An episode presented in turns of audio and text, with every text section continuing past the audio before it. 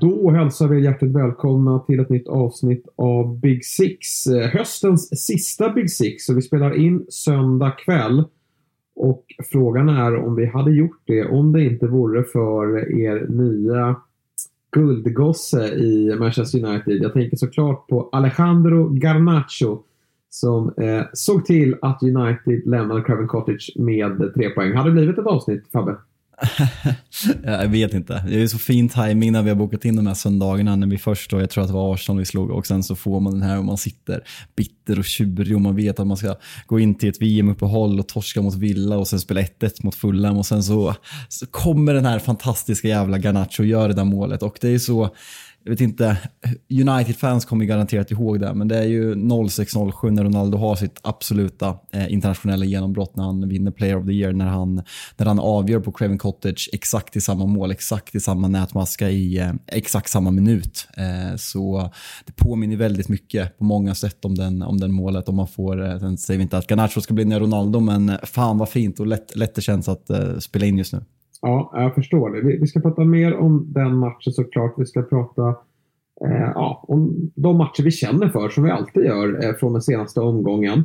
Och sen ska vi avsluta med en liten summering. Eh, och vi har båda tagit ut eh, höstens lag, varsitt lag. Och så ska ni få bedöma, då, lyssnarna, vilket lag ni tycker är vassast. Men först tänkte jag att vi ändå tar ner den landslagstrupp som Southgate släppte under torsdagen. Och eh, jag måste säga att det blev ändå en trupp som jag kände att eh, liksom, det var nog det bästa han kunde ta ut. Och då, jag skrev även det på Twitter och då var det många som, som reagerade såklart på det. Eh, eftersom Maguire fanns där och inte till exempel Tomori. Men, men grejen är så här, jag, jag, i min bok fanns det inte på kartan att Maguire som har varit så otroligt viktig för Southgate under de här eh, landslagsåren att han skulle vara petad. Eh, alltså det, det, det, var liksom inget alternativ för mig. Så att eh, jag, jag tycker att eh, ehm, på så sätt att det var en, en ganska eh, ja, väntad och bra trupp. Ja, men jag, jag, jag håller med. Det är ju som sagt, det är väldigt, de som gillar Serie A är ju väldigt högljudda på att att framföra här hur det, det så kallade brittrunket har gått över all styr när Harry Maguire och Connor Cody går före Tomori. Och just Connor Cody kan man väl på något sätt eh, ifrågasätta, alltså utlånad från Wolverhampton som ligger på nedflyttningsplats till Everton som ligger platsen ovanför nedflyttningsstriden i Premier League och Tomori ligger tvåa i Premier League, spelar, eller i Serie A, spelar Champions League och vann, vann scudetton förra året och har även åldern inne. Alltså han är väldigt ung och lovande. Så det är klart att det går att ifrågasätta i långa loppet. Men som, fan, han kommer ändå inte starta i Southgates 11 så jag landar väl någonstans där också. att Där man ville var så här att Madison skulle komma med, han kom med. Det var väl eh, diskussionen Tony eller Wilson, ska man gå på vad någon har gjort en hel säsong eller ska man gå på Callum Wilsons form de senaste fem matcherna? Det var väl kanske där man reagerade och speciellt med eh, Ivan Tonys insats han gör på, på Etihad. Eh, skapligt svar på tal får vi lov att säga. Ja, det får man verkligen säga. Det var ju en otrolig insats. Men ja, jag, jag trodde väl kanske att Madison då inte skulle vara med. Men eh, han blir uttagen. Det gillar jag. Nu hoppas vi bara att han kommer till spelaren. Linkade jag skadad här i, i matchen mot West Ham efter att ha gjort mål också såklart. Han är ju i en helt otrolig form. Och sen Callum Wilson som faktiskt varit hetare än Tony mot slutet då. Men, men fram tills i på matchen, eh, eller det, matchen mot City här senast så visade ju som du säger Tony att han kanske ändå hade varit med. Sen är väl jag någonstans inne på att eh, den typen av spelare. Det är väl klart att det, det, är alltid bra att kunna kasta in en målskytt men, men vi vet att Harry Kane kommer att starta alla matcher. Och Rashford då, som också tog plats i den här truppen, han kan ju användas där uppe. Eh, så att eh, jag, jag, jag gillar att Wilson eh, får chansen och jag tycker att England som sagt tar ut en, en bra trupp. Sen är jag väl skeptisk till, till Englands chanser överlag. Jag tycker väl kanske att det, det är inte tillräckligt många spelare i, i toppslag. Och det finns väldigt stora frågetecken kring, kring den där defensiven och Ray James out är också en, en smäll. Men, men ren, jag, jag sa ju fel här i, i vårt senaste avsnitt. Det är ju som så att England, som jag tror, de kommer ju vinna gruppen. De har en tacksam lottning i gruppen. Och sen möter de ju tvåan i eh, Nederländerna, Holland ska vi säga i den här podden, det är viktigt. Eh, Holland eller Senegals eh, grupp. Och där tror väl jag att eh, Senegal kommer tvåa eftersom Sadio Mané är högst osäker. Senegal De möter ju första matchen också. Ja, precis. Så han, alltså han lär ju missa den, det är det som är känslan. Eh, verkligen så. Och då får man väl möta Senegal. Där är det väl i och för sig hyfsat goda möjligheter. Sen i kvartsfinal då, då eh, finns ju vad jag tror, jag tror Frankrike kommer vinna den där gruppen med, med, Danmark, även om det är många som tror på Danmark och då väntar väl Frankrike i en kvartsfinal, vilket kan bli jobbigt. Men eh, jag hoppas att jag har fel. Jag hoppas att England går eh, längre än så, men eh, då måste ju eh, några eh, spelare steppa upp här. Men det, jag, jag tycker att det ska bli kul att det, det drar igång nästa helg och vi får se om England kan överraskar mig. Eh, men det, vi får väl summera eh, VM såklart sen då när vi, när vi hörs igen i, i, eh, i mitten på december där när vi ska börja snacka upp Premier League. Men nu, nu tycker jag att vi tar den sista omgången i, i mål här och det blev ju faktiskt en riktigt stor skräll i den här omgången. Och den eh, utspelade sig ju på Etihad där Manchester City alltså förlorar mot Brentford. Och det jag tycker, alltså det är, liksom, det är inte första gången eh, City tappar poäng eller rent av förlorar i Premier League mot sämre lag. De brukar ju gå på några minor varje säsong tycker jag och har ju redan gjort det i år faktiskt. Men det som jag tycker skiljer sig från eh, tidigare eh, förluster eller poängtapp det är ju att det verkligen är fullt rättvist känner jag. Alltså City får ju Alltså det är inte som så att Raja i, i Brentford-målet står på skallen och, och um, att City bara öser på med uh, farliga lägen utan City har ju i, i hela matchen väldigt svårt att skapa farliga målchanser.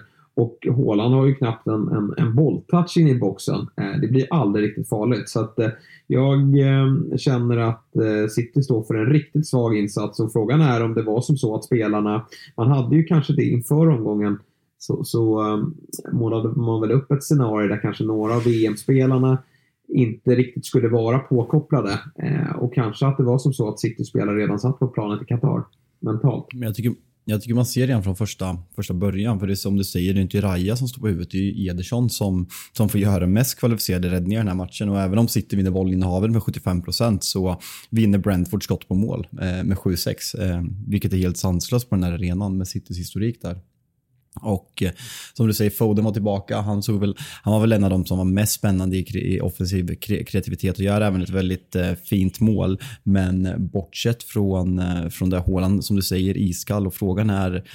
Jag, jag ställer mig lite frågan innan matchen, så här, vad, vad gör Pep med den där backlinjen egentligen? Alltså så här, Akanje ska, ska starta och nu tillsammans med Laporte och Diaz, eh, Diaz på bänken som enligt mig fortfarande är deras överlägset bästa mittback.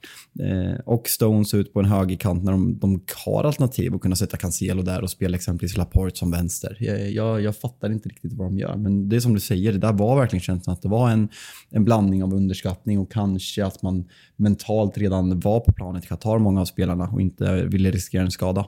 Ja, är bra att du nämner det här med John Stones tycker jag. Det är ju eh, alltså, sånt slöseri att ha... Man, man, man, eh, man wastear ju en, en, en plats eh, i det här laget eh, när man har honom på högerbacken. Och jag vet ju hur det är tänkt att det är mer att han ska vara en, en eh, mer defensiv ytterback såklart och, och Cancelo ska, har ju i stort sett en fri roll. Men det blir ju som så att när City jagar ett, ett ledningsmål vid eh, ställningen 1-1 att John Stones kommer upp i väldigt offensiva positioner. Och där är han ju kall. Alltså han, visst att han har gjort eh, lite poäng när han Eh, är uppe på fasta situationer eller att det, eh, det, skickas in bollar in i boxen. Men när han får bollen ute på en högerkant och, och tanken är att han ska överlappa eller slå den med cutback snett inåt bakåt alltså. Eh, det blir ju aldrig farligt när han får bollen ute till höger. Så att John Stones är ett slöseri och jag vet att Pep har sagt att man inte kommer värva någon, någon, någon spelare här i, i januari. Men det behöver ju faktiskt, alltså Kyle Walker han har ju en skadehistorik. Han orkar inte spela alla matcher. Och den här Gomes verkar ju som att man inte riktigt litar fullt ut på. Och Cancelo spelar ja, men redan nu allt för många matcher. Eh, det, det, han skulle ju må bra av kanske någon vila lite här och där. Så jag tycker att, att City eh, bör ge sig ut på nytt då, och, och jaga en ytterback. Det blir ju aldrig riktigt bra det där. Och um, frågan är, det, det, var väl så att Sinchenko verkligen ville lämna. Han, han var väl trött på att hela tiden få, få spela någon form av andra, tredje fjol. då, men, men han hade ju verkligen varit nyttig den här hösten den här matchen hade han gjort med jättemycket matcher. Och det, det är lite som du säger att Cancelo, alltså så här, Pep har ju uppfunnit den här inverterade ytterbackspositionen på något sätt. Eh, det finns säkert någon som kommer rätta mig och säga att det var någon annan och fine, då får det vara det. Men för mig är det pepp. Så är det. Och vi ser Erik Den Haag har gjort samma sak eh, med Dalot eh, som jag tycker är, har gjort det väldigt jättebra den här säsongen. Men det jag inte fattar just när man sätter Stone som högerback, Cancelo är inte lika bra offensiv när han spelar till vänster. Så varför inte sätta Laporte och låta Laporte vara lite sämre defensivt till höger och låta Cancelo vara liksom, ja men Trent offensiv på högerkanten, för han är, det är hans naturliga fot. Jag, jag fattar inte riktigt Peps eh, sätt att uh, göra på de där ytterbackarna, speciellt när Kyle Walker är borta. För då, då, är det mer rimligt att man sätter Cancelo till vänster för att han, han hanterar det bra, men inte när Kyle Walker är borta om man bara spelar egentligen med en ytterback. Det, det är sjukt att sitta, de pengarna man har spenderat i den där backlinjen, det är miljarders miljarder eh, och ändå så, så lyckas man hamna här säsong efter säsong. Det, det är jävligt konstigt. Ja, nej, så är det. Och så tycker jag också att det är märkligt från Citys sida eh, i en sån här match. Där det, ja, men det är ganska tydligt. Dels att man, är, att man inte är redo från start. Eh, som du är inne på, Brentford bör ju faktiskt göra minst en kasse, kanske rent av två kassar om inte Ederson eh, hade stått för de där räddningarna. Men också sen liksom, det, det blir, det, de, de, skapar ett visst tryck där i, i, mitten på första där det är några straffsituationer och eh, det, det, det är kalabalik på lite olika fasta situationer. Men sen i andra halvlek så, så ser vi inte det trycket och att Pep då inte utnyttjar sin bänk. Alltså han har ju ändå Mares där eh, som jag tycker någonstans är väldigt bra att kunna slänga in i en sån här match istället för att ha John Stones där ute höger eh, som, som någon form av högerback så kan du göra Mares och få, få ytterligare ett hot på högerkanten. Du har Jack Grealish på den där bänken också som, som du skulle kunna eh, slänga in. De, de gör alltså ett byte och det, det är Alvarez som kommer in i den eh, 87 minuten för Cancelo. Eh, och han hinner ju faktiskt få ett läge så det, det, är återigen jättemärkligt att inte Pep nyttjar sin bänk eh, eh, ja, i, i, vissa matcher gör han det såklart, men det, vi har sett det väldigt många gånger att han bara gör ett byte. Och i den här matchen, då ska han ju verkligen eh, slänga in de offensiva alternativen han har. Han har ju även Palmer där också som visserligen är ju eh, kanske inte visat allt för mycket ännu, men, men vi vet ändå att han har offensiva kvaliteter och skulle definitivt kunna göra skillnad. Sen måste man ju såklart hylla Brentford som, som har ju haft eh, en del skador eh, i, i eh, defensiven. Pontus Jansson är ju inte med. Sen har de ju även dansken, eller norrmannen, eh, Ayer. Eh, han är inte heller eh, frisk för stunden. Och då får de ju spela, ja såklart då, Ben Mee, eh, Ethan Pinnock och eh, Sanka här eh, i, i trebacken. Och jag tycker att de sköter det galant och, och försvarar verkligen sin målvakt Raja. Han, han behöver inte göra någon, det är inte, liksom, det är inte en av hans absolut bästa matcher, vilket man ju någonstans eh, kan tro då, när man eh, går och tar tre poäng på ett hjälp. Men det är, det är också fascinerande det du säger, alltså så här, vi har, man, Brentford går in och slutar som på tionde plats när vi tar det här uppehållet och eh, många pratar om att man skulle kunna få det riktigt tufft i år. Man tappar Christian Eriksen som är arguably sin bästa spelare för säsongen när, när han kommer in och egentligen räddar laget. Men Tony går ju från klarhet till klarhet och när man liksom Ponne är kapten, eh, folk glömmer det. Det är liksom deras ledarfigur som ska, som ska hålla ihop den här backlinjen. Att man gör det så här bra och Thomas Frank, jag har väl inte jättemycket till över som honom med, med vissa kommentarer han har dragit efter vissa matcher, men det han gör med Brentford med de, med de små medlen de har, det, det är så jävligt imponerande imponerande och häftigt på, på många sätt och vis. Ja, alltså man får ju känslan ibland när, när Brentford förlorar några matcher på raken att nu, nu kommer de falla ner och, och bli indragna i bottenstrid. Men så kommer några imponerande insatser och den här är ju verkligen under den kategorin. Eh, är riktigt eh, starkt. Ivan Tony har alltså gjort 10 mål, ligger trea i, i skytteligan. Han har ju dock eh, smält in tre mål eh, på straff, men det ska ju också sägas att om vi, om vi ska prata större klubbar för Ivan Tony så måste man ju faktiskt säga att hans eh, straff eh, hans förmåga från 11 meter är ju någonting som klubbar bör... Ja, tänk bara om City hade haft den förmågan i sitt lag. Nu är ju Håland, han är ju otroligt bra där, men det är många lag eh, som, som bränner mycket straffar. Och det gör ju Ivan Tony aldrig. Så att vi får väl se då. Jag tror att Tony kan bli aktuell för en klubb i januari eller blir först aktuellt nästa sommar. Alltså det är för dyrt att lösa. Alltså vilka behöver? Chelsea behöver, United behöver. Men frågan är, är han så bra att leda en anfallslinje i ett sånt lag? Det är ju snarare klubbarna under. Eh, West Ham är värvat Skamacka, Leicester. Ja, det är väl Leicester som famlar lite. Typ en sån klubb om Leicester kommer fortsätta våga gasa. Eh, bättre för en stor, ordinarie en stor klubb tror jag nog aldrig att han kommer bli, men eh, det är svårt. Och sen så här, jag kommer ihåg förra året när Jack Reilly körde den här klassiska Memphis Depay målgesten när han håller, eh, när han håller fingrarna i öronen eh, för att tysta alla kritiker. När Grealish gjorde sitt första mål efter typ åtta matcher när han kostade miljarden.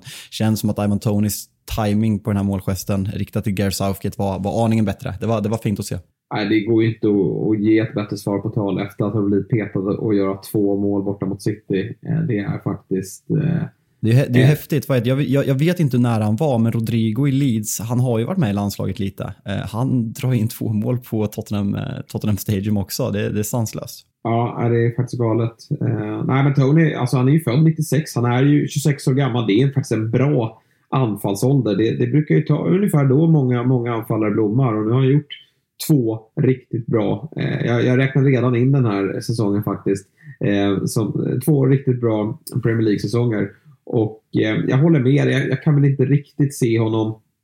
Men det skulle ju vara, eh, alltså det laget som är i tydligast behov av en anfallare, det, det är ju faktiskt Manchester United. Eh, sen är det så här, United siktar ju som alltid väldigt högt eh, och, och eh, kanske då att Ivan Tony inte riktigt har den nivån i sig. Det, det låter jag vara osagt. Eh, jag tror väl inte riktigt det. Eh, men sen har vi ju sett även så här klubbar från, från Serie A. Eh, jag tänker på Tammy Abraham som var oönskad i Chelsea. Eh, pratades om andra klubbar i, i, Premier League men han stack till Roma istället. Jag kan tänka mig att topplag från, från andra eh, ligor skulle kunna bli eh, intresserade av Tonys tjänster. Sen ska ju sägas att eh, Brentford, de, de kommer ju kräva eh, mycket pengar för honom såklart. Men om man ska summera, eh, vi kör väl lite så att vissa lag kan man ta någon liten större take på som det här mm. sista avsnittet. Om man ska summera Citys eh, höst, alltså så här, vart, vart har vi dem? Vi har ju själva sagt att det kanske, att vi har ju nämnt na, ord som att man, man har varit världens bästa lag, när man värvat världens bästa spelare i straffområdet och är totalt kompletta och kan bli tidernas bästa lag. Men samtidigt är man fem poäng bakom Arsenal eh, och ska gå in i ett tufft Champions League-spel där fokus kommer ligga. Hur, hur bra är man? Det, det känns som att City är svår att analysera det på något konstigt sätt. Ja, jag håller med. Jag, och nu när de har fått in sista pusselbiten och den pusselbiten som har varit så bra också eh, i, i Håland. Nej, men alltså att man ligger fem poäng efter ettan, det är egentligen ingen katastrof. Det sjuka är ju bara att det inte är Liverpool som är ettan, utan det är Arsenal. Och Arsenal har gjort alltså poängskörden. Det är inte bara att Arsenal leder. Man skulle kunna säga att ah, men det här är, hade det varit ett, ett sämre år för Premier League, att det eh, ja, nu har vi några topplag som, som visserligen underpresterar, men, men, men tittar man till toppen så är det faktiskt, eh, liksom, eh, ser man till City så är det 10 vinster, 2 oavgjorda, 2 förluster. Det är faktiskt ganska starkt. Men Arsenal är alltså uppe på 12 vinster, en oavgjord och en förlust. Det är, det är så fruktansvärt starka papper. Sen har man ju dock inte mött Manchester City ännu. Eh, den matchen får vi ju vänta på. Men, eh, nej, men jag, jag, tycker väl att Citys eh, säsong är godkänd. Jag tycker att man har stått för några ruskigt bra prestationer. Eh, jag syftar till eh, derbyt mot, mot eh, Manchester United. Men det är också några mindre bra insatser. Jag tycker att matchen mot Anfield när Liverpool ändå kom dit i den, i den form de var i och vilka skador de hade så borde City gjort det bättre. Att man inte lyckades straffa dem där. Och sen även borta mot Newcastle så, så man kanske skulle ha vunnit den matchen men, men släppa in tre mål det visar ju också på att det finns lite problem bakåt vilket man nu såg även i, i helgen. Nej, men det, det är en godkänd eh, höst tycker jag. Eh, men inte så mycket mer. Nej, nej, jag landar väl också där någonstans. Eh, för det är ju just, nej men de här, den här matchen ska man inte torska. Jag tycker att man på något sätt viker ner sig lite på Anfield. Eh, en klassisk pepp överanalysering som, eh, jag fattar inte var de kommer ifrån. Han ska pröva att spela typ Foden som wingback. Han har gjort det tidigare i Champions League-finalen mot, eh, mot Chelsea och även när han åkte ut i Champions League-finalen några gånger. Eh, så det är ju där man är lite orolig, att Pep fortsätter göra de här konstiga sakerna. Han har ett fungerande sätt som funkar och då kanske man är världens bästa lag, men att han ska överanalysera när man ställs på riktiga prov förstår jag verkligen inte. Men känslan är att eh, fokus kommer vara på Champions League. Eh, nu fick man en tacksam lottning, vilket inte var bra för Arsenal. Men eh, det, det, ska bli, det blir en jävligt kul vår i alla fall, att det lever. Alltså, vi pratar om att vi vill att det ska leva och nu ser man ju ingen som talar för att det inte kommer leva ganska länge i alla fall med tanke på att Arsenal har fått det här försprånget på fem poäng. Nej, men så är det. Sen ska ju faktiskt sägas att eh, City, de har ju faktiskt eh, tre eh, Big Six-klubbar de inte har mött ännu. Alltså de har inte mött Chelsea, nu har inte Chelsea varit jättebra. Men eh, ändå, det är, liksom, det, är en, det, är en, det är en stor match. De har inte mött Spurs och de har inte mött eh, Arsenal. Eh, så att det, det så här, rent schemamässigt har man ju haft en, en, en ganska bra start. Så att det är um, lite tuffa matcher kvar innan, innan serien vänder. Men ja, vi, vi, vi, vet, vi kan inte vara lika övertygade om City längre. Att, att, att det, är så här, det, det går ju faktiskt inte. Nej, det är ju så här, man per automatik. Jag, jag satt i Eurotalk Weekend i lördags och vi körde en power ranking på bästa lag i Europa den här hösten. Jag hade City som etta och det fick man ju rejält nedslag på för att folk hävdade att både Napoli och andra lag skulle vara före. Men eh, fick man ju höra ännu mer såklart att när den här matchen var tre timmar efter sändning. Men eh, det kanske är dags att, eh, att um, analysera den uttagningen och kanske omvärdera den också. Ja, eh, det här kan bli... Alltså det, på ett sätt lite skönt med Premier League-uppehåll. Det har varit så otroligt intensiv höst och man börjar bli lite peppad på VM. Men det ska bli väldigt kul sen att återkomma till den också eh, med tanke på att den lever i så många olika skikt. Eh, men ja, godkänt där. Eh, Brentford får väl eh, väl godkänt. Eh, vi hade fler matcher under eh, eh lördagen och eh, det var ju eh, väntat ändå att Liverpool skulle gå segrande ur matchen på Anfield mot Southampton. Även om man får en jäkligt tuff start. Ja, nej, det, det är ju något med Liverpools backlinje. Alltså så här, ja. man, man, man är överlägsen i den här matchen och man hade kunnat vinna med mer mål, men defensivt ser det fortsatt inte jättekul ut. Och eh, det är så här, är det att man saknar Matip och Konate igen, Gio Gomes kommer in eh, och spelar, eh, för man, man släpper till chanser och man släpper även till det här målet på den där fasta situationen. Van Dijk står och håller linjen, de andra faller för tidigt, van Dijk ser ut att kanske inte ta, ta jobbet helt, det, det, det är inte hans mål, men liksom så här, det, känns, det känns lite alibi eh, över ganska mycket i den där backlinjen. Eh, så det där måste man få till. Jag tror ju verkligen att man kommer vända på det här. Att man kommer att klara eh, topp fyra ganska enkelt i Premier League eh, efter säsongen och ge dem en stor chans att slå ut Real Madrid. Men eh, de här sakerna måste fixas för att det här ska bli möjlighet. Eh, så det är lite oroväckande. Men ja. det, det, man tar, det, det, man tar med sig, vi var inne på det här förra veckan, att man flyttade ut Darwin till, till vänster. Och jag tycker att man, eh, man har fått till det här nu. Darwin är jättefin där ute. Man kan använda Bobby på ett modernt sätt som man gjorde när han var som bäst och spelade med Mani och Salah. Och Salah kommer fortsatt i, i, i bra lägen när Darwin inte är centralt och tar upp hans ytor. Eh, vad, vad, känner du med, det, med den Nej. skiftet de har gjort där? Nej, men jag håller med. Jag tycker att Liverpool ser mycket bättre ut offensivt och då är det ju någonstans okej. Okay. Man känner ju, även om det blir 1-1 där så, så tycker man ju inte att det... Eh, känslan är ju att det här är en match Liverpool kommer att vinna för man skapar alldeles för mycket lägen för att det inte ska kunna bli eh, ja, 3-4 mål i den här matchen. Och eh, jag, jag, det har vi faktiskt, vi har, jag har ju, både du och jag har ju stått bakom Darwin. Vi har ju trott på honom även om det kanske har varit några matcher där man har funderat kring kring kvaliteten i avsluten och han ser lite kant ut och ja, har ju varit lite korkad också stundtals. I, dels i, i situationer där han har skallat motståndare men också lite så märkliga, eh, liksom, lite märkligt sitt beslutsfattande, skjutit när han ska passa och så vidare. Men jag, jag alltså, man ser ju vilken jobbig jävel det är att möta för motståndarna och han har ju den här otroliga liksom, hungern i att, att få, få göra mål som, som bara vissa Eh, killers in i boxen har. Eh, vi har en Norman City som, som är väl nummer ett på det men, men Darwin är faktiskt inte långt ifrån i just när det kommer till så här, den här killerinstinkten in i boxen att, att hela tiden söka upp situationer där det ska smälla. Och nu får han ju dessutom in bollarna i mål vilket ju eh, betyder så jäkla mycket. Och jag tycker han är, även om han inte är någon liksom storstilad eh, bolltransportör. Alltså han är inte så här, han är, det ser inte så vackert ut när han, när han driver boll och, och, det är inte världens bästa teknik. Men jag tycker han är nyttig ute i spelet också faktiskt. Och, och eh, återigen, jobbig för, för motståndarna att försvara emot.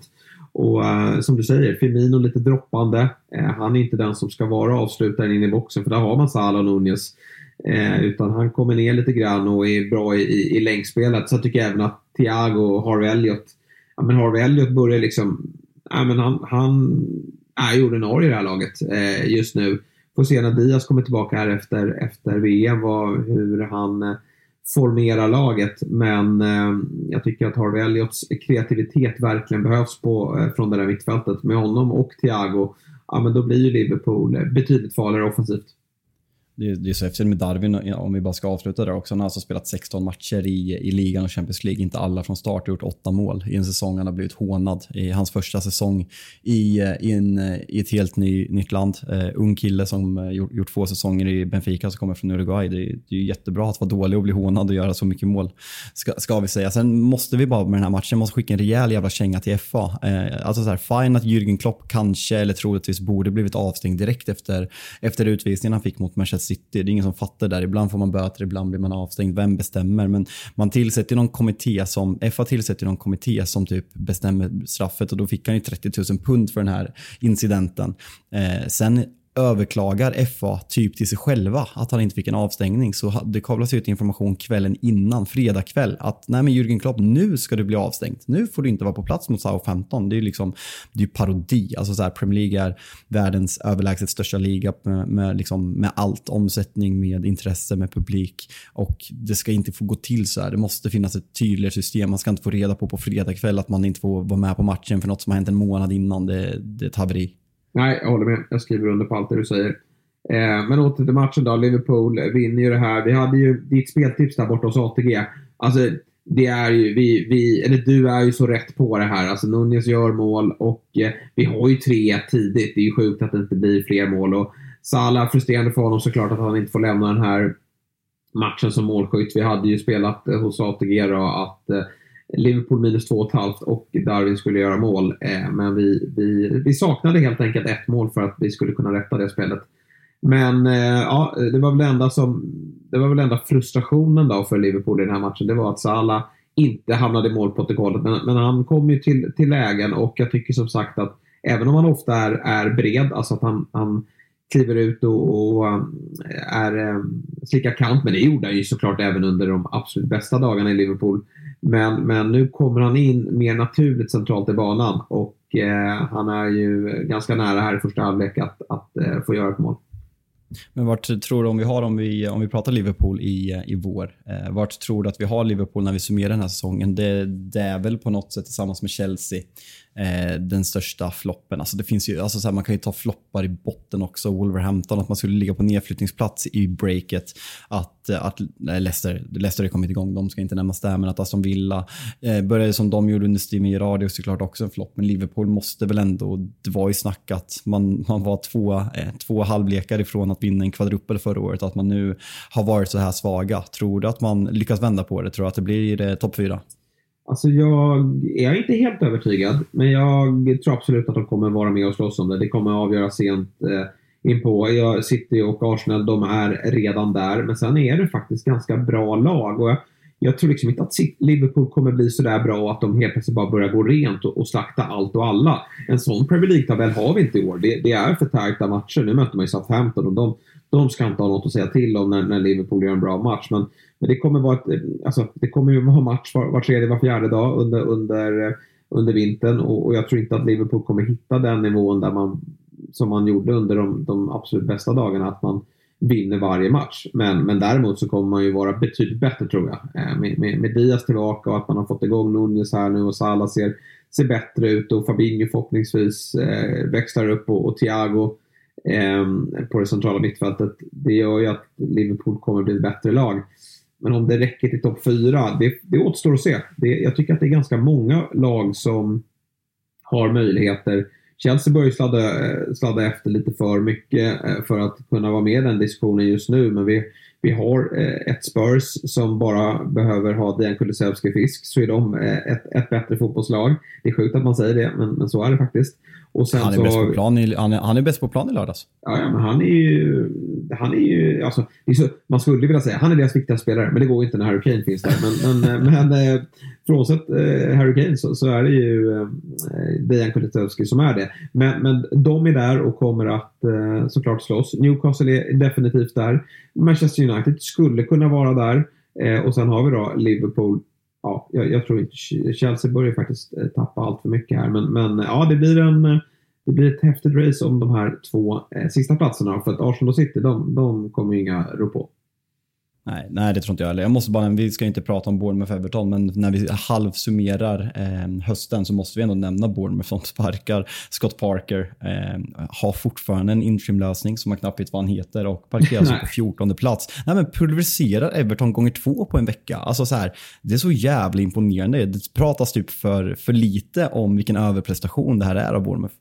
Ja, nej, det är, det är galet. Eh, det är liksom det är, eh, det är, som, det är gäng doldisar som, som, som alltså de stod för ett riktigt svagt eh, sommarfönster och, och det var väl en stor anledning till varför eh, Scott Parker lämnade. Men eh, det har blivit, efter den här 9-0-förlusten på Anfield så har man ju verkligen tagit sig samman och eh, mot alla odds då ligger ovan strecket.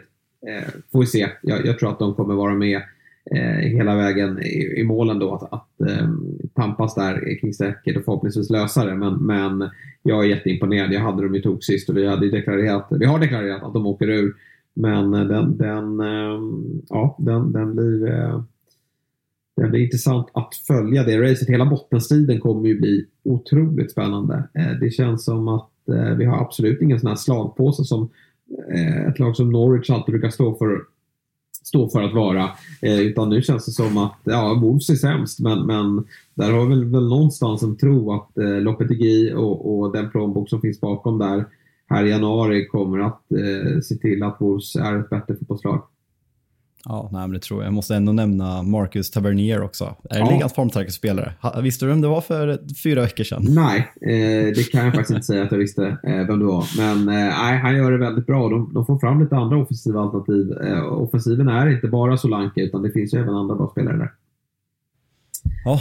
Annars då, lördagens stora match eh, var ju faktiskt ändå mötet Chelsea mot, eh, eller Newcastle mot Chelsea ska sägas eftersom det var på St. James' Park. En, en eh, match som eh, ja, var otroligt viktig för båda lagen. Eh, och när jag såg älvorna så kände jag att vad fan är det Chelsea ställer upp på banan? Nej, det är ett... nej, som sagt, det var verkligen... Jag hade en liten känsla här att det är fortfarande Chelsea och det är fortfarande Newcastle. Jag tycker att Newcastle över, övervärderas på något sätt i den här matchen, men när de där elverna kom så kände man ju verkligen att Newcastle, eh, på, likt Arsenal, fortsätter ställa upp med, med egentligen samma elva. Och nu har man fått tillbaka St. Maximan som dock är på bänken för att det har gått så bra. Eh, medans, eh, Chelsea och Potter roterar, har skadeproblem, men eh, nej, Lewis Hall gör en bra match i, eh, i Community Shield i en match när man torskar mot City med 2-0 och får chansen här istället för Kukureya. Jag tycker det säger väl väldigt mycket om eh, väldigt mycket i Chelsea just nu femte raka matchen eh, utan vinst i, i Premier League. Sen har vi en ligacuptorsk på det också. Men eh, ja, eh, de, de, har ju lite otur med, med, skador och sjukdomar men sen vet vi också att Potter gillar att experimentera. Men eh, det, det, är, det är ingen kul eh, start här för, för Graham eh, och eh, vi får ju se lite vad som händer här under, eh, under januari. för vi vet att det har varit en ägare som, som ja, men han, har ju, han har ju satsat här i, under sommaren och jag tror att han är villig att, att fortsätta satsa. Vi vet ju att Nkoku, alltså den franska anfallaren i Leipzig, han ska ju vara klar till nästa sommar. Men visst är känslan, med tanke på vilka problem han har offensivt, att han kan använda redan i januari. Fast känsla, alltså så här, känslan med honom, jag tror också att han kommer göra det och då får man säkert betala ett överpris för honom och lägga till lite för att han ska komma tidigare. Men han är ju en spelartyp de redan har. De behöver ju en, en, en målskytt. Det är ju lite som Manchester United. De, vem Manchester United än startar. Jag vet att många svenska Twitter eh, United-profiler liksom håller Martial extremt högt. Men nej, tyvärr, jag är ledsen att säga det. Han är inte tillräckligt bra för att leda en anfallslinje i ett lag som ska utmana de största troféerna eh, och liksom sluta topp fyra och utmana Europa han, han är inte det. Och Chelsea, det är samma sak. Brocha startar nu, inte tillräckligt bra. Aubameyang passerat bäst före-datum för länge sedan. Och där bakom Mason Mount, Conor Gallagher, Pulisic, Ziyech. Det är där en Kuku kommer in tillsammans med Sterling och Havertz. Det kommer, han kommer säkert vara jättebra, men det är ju lite samma spelartyp som de redan har och ingen så här direkt nia som ska göra alla mål. Men nej, det, det, det blir kul att se hur Chelsea agerar, för det här, det här ser fan inte roligt ut. Någon, någon Chelsea, jag har inte läst någonting. Någon Chelsea-supporter får gärna hjälpa oss. Har Chelsea tagit två poäng på fem matcher sen Roman tog över? Det, det känns osannolikt. Nej, jag vet inte heller. Men det är eh, nog ganska lägligt att det här uppehållet kommer faktiskt. Att, att Chelsea får, nu ska ju många iväg, sticka iväg, men att Potter får, får liksom sätta eh, strukturerna på träning och, och börja planera för hur man ska agera i januarifönstret. Man har, jag tycker man har, liksom, det känns aldrig riktigt farligt i den här matchen. Newcastle har, har, har bra kontroll på det. Eh, sen vet jag inte om man, man alltså, kryss hade väl inte varit helt orättvist här. Eh, men, men Newcastle är i ett eh, härligt... Eh, de, de, de har en härlig medvind i den här klubben. Och, och därför blir man inte särskilt förvånad att, att eh, Willock ändå gör det här 1-0 målet och att man tar eh, de här tre så otroligt viktiga poängen. Och, och ja, vi konstaterade ju långt tidigare, Newcastle kommer ju vara med och slåss om eh, Champions League-platserna under, under våren. Kommer ju bara få fokusera på, på ligan. Eh, kommer säkert krydda den här truppen ytterligare. Även om känslan är att man inte behöver det i dagsläget. Men eh, det, det, är en, en, en, spännande vår som, som väntar eh, för, ehm, för Newcastle. Det känns som att också att det, det är svårt att dra det här liksom, arabkortet. För det, det återigen, det är liksom ingen, det är ingen galen eh, satsning man har gjort eh, rent ekonomiskt. Man, man har värvat smart, man har tagit in en jäkligt bra tränare och det är ett, eh, ett maskineri som bara rullar varje, varje helg. Ja, nej men tar man, nu ska man inte ta bort spelare i lag, men om vi, om vi bara får leka med tanken att, att göra det. Då är, om vi tar bort Bruno Gimares från offensiva sexan, då är det alltså Sean Longstaff, Joe Willock, Joey Linton, Chris Wood och Miguel Almeron. Eh, det, det, det, det, är inte ett lag som ska ligga trea i Premier League. nej, men det där laget låg väl, sist... de gubbarna låg väl sist för ett år sedan? Ja, det var exakt ett år sedan nu. Eh, ja, förra veckan tror jag. Eh, de hade typ fem, fem eller åtta poäng. Och ja. alltså så här, sista åtta matcherna, 7-1-0. Alltså så här, det är helt sjukt. Ja. Och Nej, enda förlusten man har är den här när, när Liverpool dubbelnickar i ribban i 95 98 minuten. Ja, det var typ så fem minuter tillägg och domaren hittar tre till. Det är enda förlusten man har. Och eh, nej, fan. Eh, och stämningen på St. James' kvällsmatch, fan, det, det är kul att se. Det, det är mäktigt. Ja, verkligen. Ja, otroligt eh, mäktiga scener faktiskt. Och eh, det eh, blir som sagt intressant att se hur, hur man då agerar i januari. Det är några spelare som ska komma tillbaka här. Jag tänker framförallt på, på Alexander Isak som, som såklart kommer vara en injektion även om han säkerligen får börja på bänken här när han är, när han är helt skadefri. För att han får nog bevisa sig eh, innan han tar, ja hur de nu kommer ställa upp det här laget. Men, men Almiron blir, blir svårpetad. Eh, Maximan ska in i laget också. Eh, vi, vi har Callum Wilson där också och Chris Wood som bevisligen gör det ganska bra också när han, när han väl får chansen. Så att eh, ja, det, det, det, finns ju en bredd där också när, när alla är friska och krya. Men eh, tungt, tungt för eh, Chelsea återigen. Reece James behöver dem tillbaka och de behöver få in en målskytt. Ivan Toner då? Ja, kanske. kanske alltså, ja. Skulle väl inte, alltså, så det är ju så jävla dyrt att värva britter. Jag vet inte hur långt ja, kontrakt han har. Sitter han på så här två och ett halvt, tre år, då pratar vi 50 miljoner pund. Och i längden så ska han ju inte starta i Chelsea. Det är, så här, det är det som är så jävla svårt med de här överpriserna som är på brittiska spelare. Eh, på, tal, på tal om Newcastle, innan, innan vi lämnar dem. Man, man, vet liksom hur en spelare har medgång när Almiron kliver in från höger, får bollen för långt ifrån sig, perfekt i steget till, eh, till Willock som dunkar upp den i krysset och 1-0 och avgör matchen. Det är, så här, det är signifikativt för ett eh, lag som har med, medgång. Ja, ja, men så är det verkligen. Vi konstaterar att Chelsea är, ja men det, Chelsea är ju årets stora besvikelse eh, hittills, måste jag ändå säga. Eh, ja, ah, Liverpool, alltså Liverpool har tagit en poäng mer. Eh, så att, och jag hade faktiskt större, jag, jag trodde att Liverpool skulle vara en titelutmanare så att eh, jag får nog faktiskt säga att Liverpool ändå är en större besvikelse än Chelsea. Chelsea med nya ägare eh, och så vidare. Men, men, båda har ju verkligen underpresterat. Newcastle är ju, det är ganska många lag som går under kategorin eh, positiva överraskningar. Arsenal är såklart ett, ett av lagen. Att Brighton ligger sjua eh, trots dagens förlust eh, och att Fulham ligger nia också trots dagens förlust, det, det är faktiskt också imponerande. Ja, Fulham, alltså vi kommer komma till den matchen, men Fulham är riktigt bra. Alltså, och då ja, saknar man Mitro, Mitrovic idag. Eh, kommer komma mer till honom senare, men eh, Palinja på det där centrala mittfältet. Ja, vilken, vilken, spelare och vilken värvning. Alltså, ja. han, är, han är fullständigt dominant mot Manchester United i år och då har United, eller idag. Och då har United ändå fått, eh, fått igång det där mittfältet med Casemiro, Eriksen och eh, Bruno Fernandes. Precis, men vi kan väl ta oss så till den matchen. Så där kommer jag, aldrig, jag kommer aldrig säga det där igen. Fan vad vidrigt det lät i munnen. Det är verkligen, håll dig till Bruno. Eh, men du, eh, tre viktiga poäng för Manchester United, men det är som du säger, det, det satt hårt inne. Och eh, Fulham, eh, det, det, är en tuff nöt att knäcka, eh, som du säger, på Craven Cottage. Ja, nej, men alltså för en neutral måste det ha varit en jävligt underhållande match. Eh, det är chanser åt båda hållen. Mm. Eh, två taktiska tränare som vet vad de gör och man ser, man ser linjer i, i, i spelet vad tränarna vill med omställningar och högt pressspel eh, som, som biter på båda försvaren. Eh, det man lägger märke till väldigt tidigt i den här matchen är ju hur, eh, hur Fulham överbelastar ute på Malaysia som alltså spelar på fel kant för att Aloha är avstängd. Och eh, Victor Lindelöfs understödsspel till Malaysia kontra om Rafael Varan hade varit varit där är ju inte optimalt. Så han hade att göra i första halvlek. Viljan väldigt framgångsrik där ute och vi, vi har berömt honom tidigare men alltså, han är bra på riktigt. Alltså. Det är inte den här klassiska klassiska brassen som har skrivit sitt sista kontrakt. Han skrev sitt sista kontrakt i Arsenal och man dömde ut honom när han var hemskickad till Brasilien och de bröt kontraktet. Men han, han är bra på riktigt alltså. Ja, ja men definitivt. Alltså, de, de har ju flera sköna lirare där och, och, bara att de kan slänga in en spelare som James som ju eh, ja, gav Martinez en... Jag glömde hur snabb han är alltså. Aj, jäklar vad det går alltså när han trycker på dem. Det är få som hänger med där. Alltså, Martinez har det jobbigt där men det, det ska man faktiskt inte skämmas över utan det, det är inte många som hänger med när han kan hålla kontroll på den här bollen också. Nej, det är, jag tyckte synd om Lisandro och då är Lisandro snabb.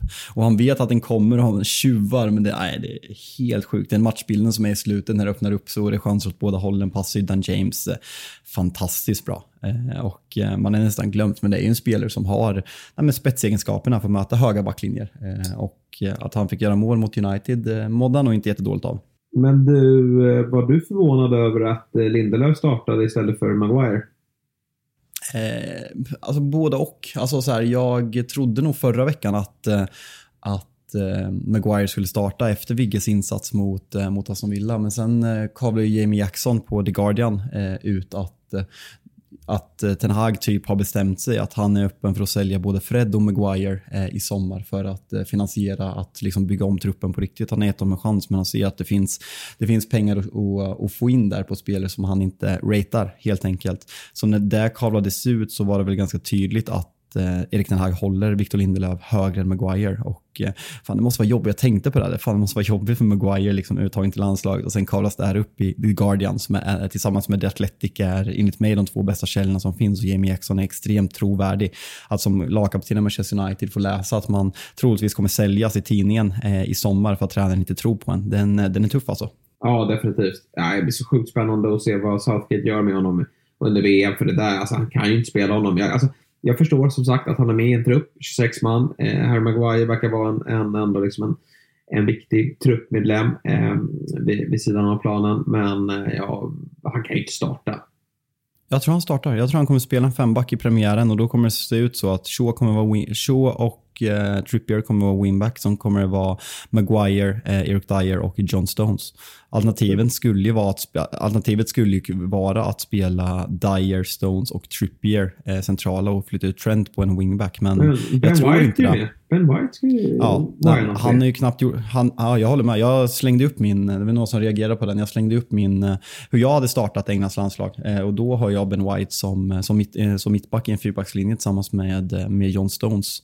Men vi vet att han gillar Eric Dyer i en femback. Han gillar Maguire i en femback. Och Eh, jag lyssnade på en podcast och deras analys här var ju att mm, eh, Southgate måste ju släppa sina 2018-spelare. Maguire och Sterling och Pickford, de var fantastiska i VM 2018. De är inte fantastiska längre och man kan inte gå på att man var bra på ett mästerskap för fyra och ett halvt år sedan. Det finns bättre målvakter i både Ramsdale och i, eh, i Nick Pope. Det finns bättre mittbackar än Harry Maguire och det finns framför allt bättre offensiva spelare i Phil Foden, i, eh, i Saka, i Mason Mount, i Madison än vad Sterling är just nu. Så för att gå långt i det här mästerskapet så måste Southgate släppa de här tre spelarna.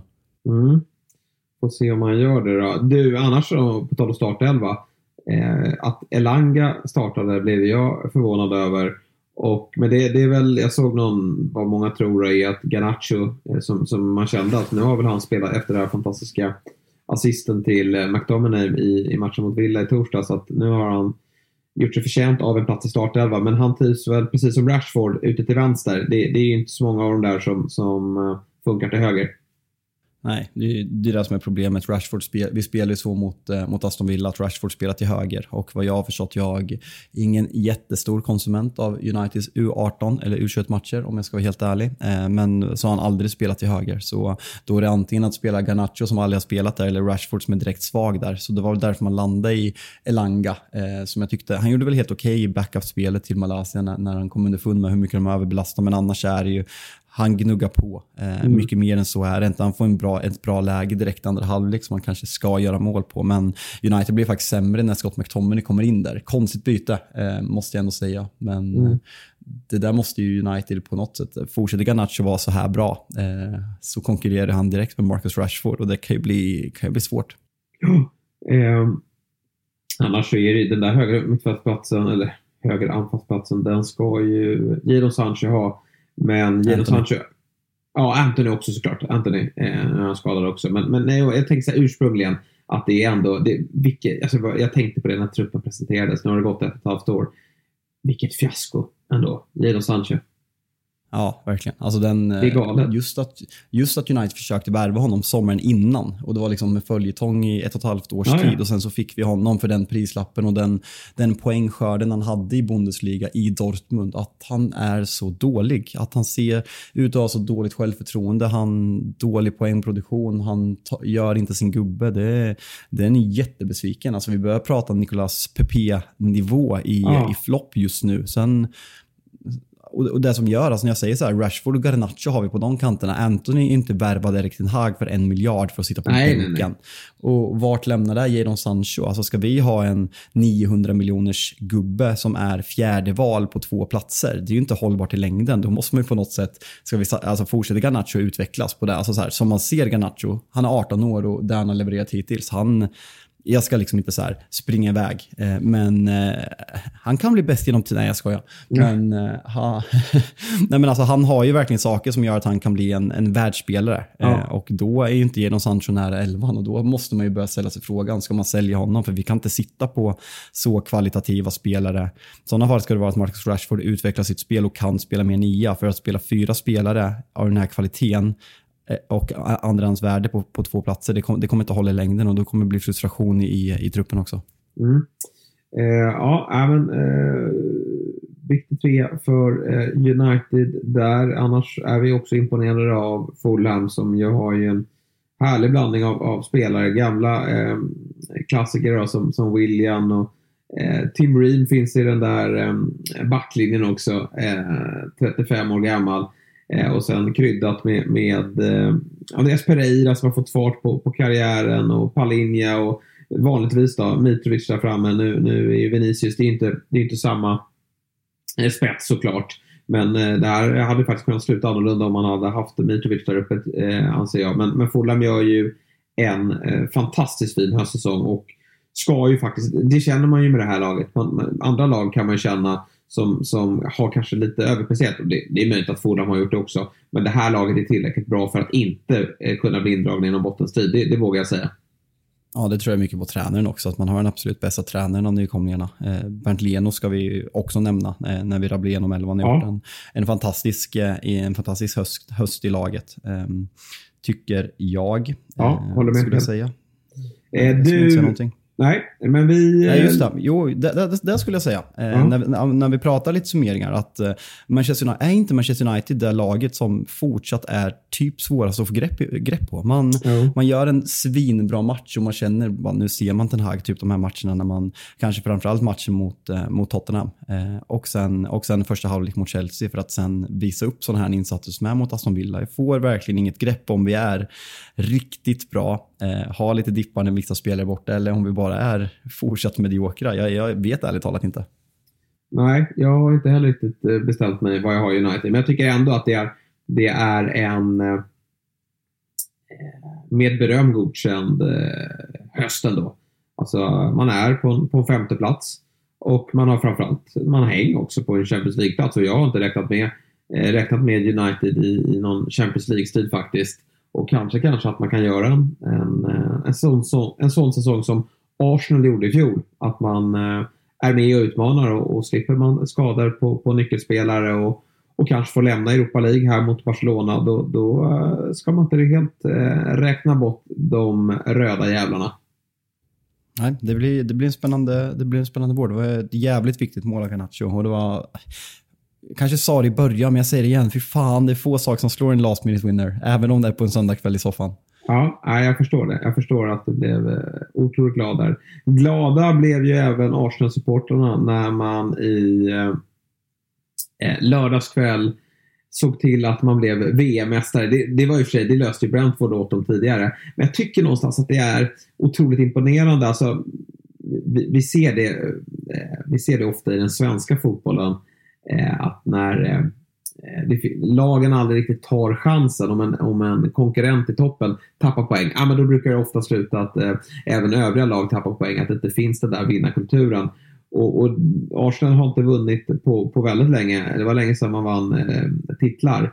Men jag tycker att det är starkt av dem att eh, åka till Molineux och eh, ta tre eh, ja, väldigt trygga poäng eh, och aldrig något snack om saken. Även om Wolves sticker upp och har eh, lite farliga lägen så är ju Arsenal på nytt eh, ett, det klart bättre laget och vinner fullt rättvist.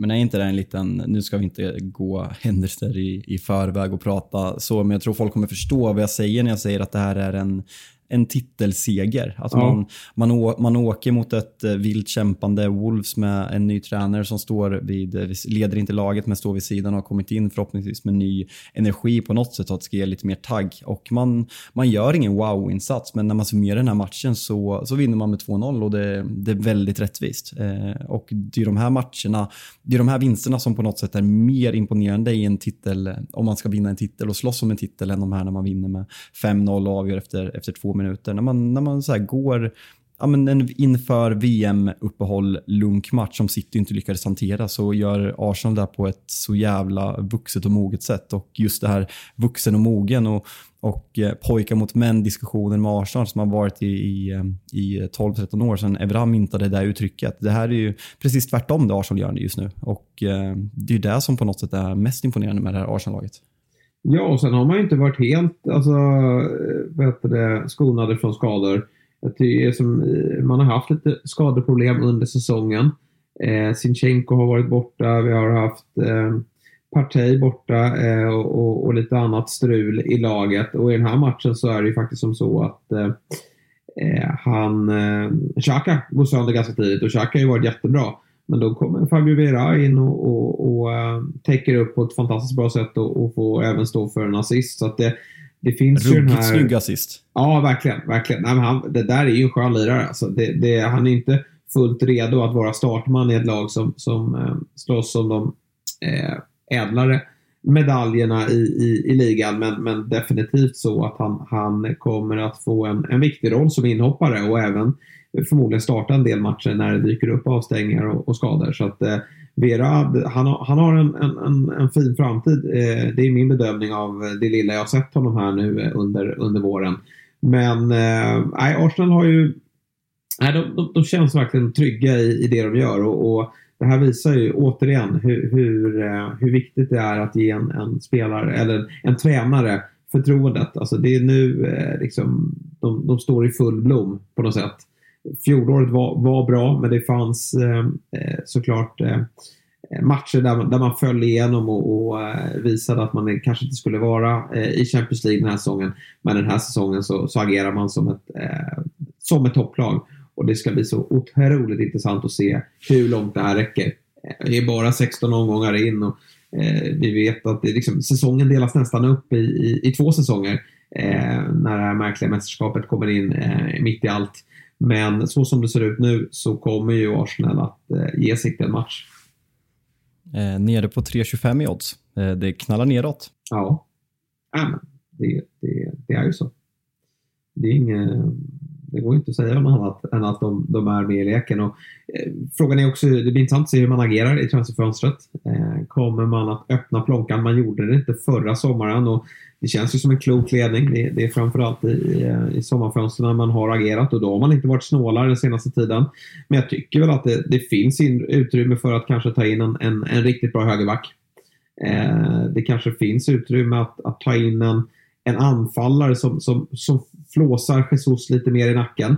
Jesus, ja, han har ju en i ribban och han är bortdömd för offside. Han, han, han, har lite, det är lite frustrerande för honom nu, men, men man ska ju veta att det, Eh, Jesus även kan spela på någon kant. Eh, så att eh, ytterligare ett offensivt alternativ är med tanke på att Smith Rowe är skadad också. Eh, det hade inte varit fel. Ehm, Känslan är ju att liksom man, har, man har lyckats täcka upp i de defensiva positionerna. Sinchenko har varit skadad så har Czerny klivit in och White kan ju kliva in på, på mittbacksplatsen också. Men, Tommy Yasi har löst det bra också. Ja, men Tommy Yasi har löst det bra också. Men, höger vänsterback. Ja, men, men går någon av Saka, Martinelli eller Jesus sönder så, så känns det ändå som ett, eh, en smäll. Smith Rowe vet jag inte vad det är status på honom men han verkar ha en del problem. Jag tycker nog ändå att det ska, man ska försöka värva in ett, ett, ett eh, offensivt namn som är ja, men han får nog vara beredd på att sitta, sitta bänk för att Arsenal har sin elva. Men han är, han är där och flåsar i nacken och, och finns redo när skador eller avstängningar dyker upp. Så får jag som City och värva en bänkad Grealish för en miljard. Det, ja, that's exakt. the way to go. Nej, men du, eh, Mares.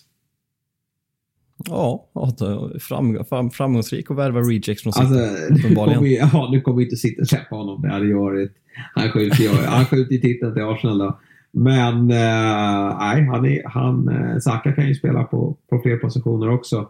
Eh, och, och, det är ju den typen av så här, det är den typen av bredd Arsenal ska ha nu om man ska bli ett eh, liksom, nu är man topplag den här säsongen, men, men över tid att man ska vara ett av de här absolut bästa lagen, då, då behöver bredden spetsas. Ja, jag, jag, har fortfarande svårt att uh, förstå att vi har den här diskussionen om Arsenal i, uh, snart i december i, uh, i Premier League. Men jag, nej, jag tänkte att jag är glad för deras skull. Jag, och jag, kan, jag är glad för, alltså likt United har de haft en ännu längre kräftgång. Jag kan ändå så ja. uppskatta känslorna. Jag kan, jag kan uppskatta känslorna Arsenal-supportrar får känna med det här just nu. För jag, ja, men verkligen. Alltså, jag, för den jag, typen av jag saknar det verkligen för den typen ja. av supporter som har hängt i så länge. Men precis som att när det, jag ska inte säga att det har vänt för er, men när, men när även när Manchester United kommer få vara med och, och få, få eh, utmana om titlar igen. Det kommer ju vara kul för er supportrar som har lidit de här senaste åren.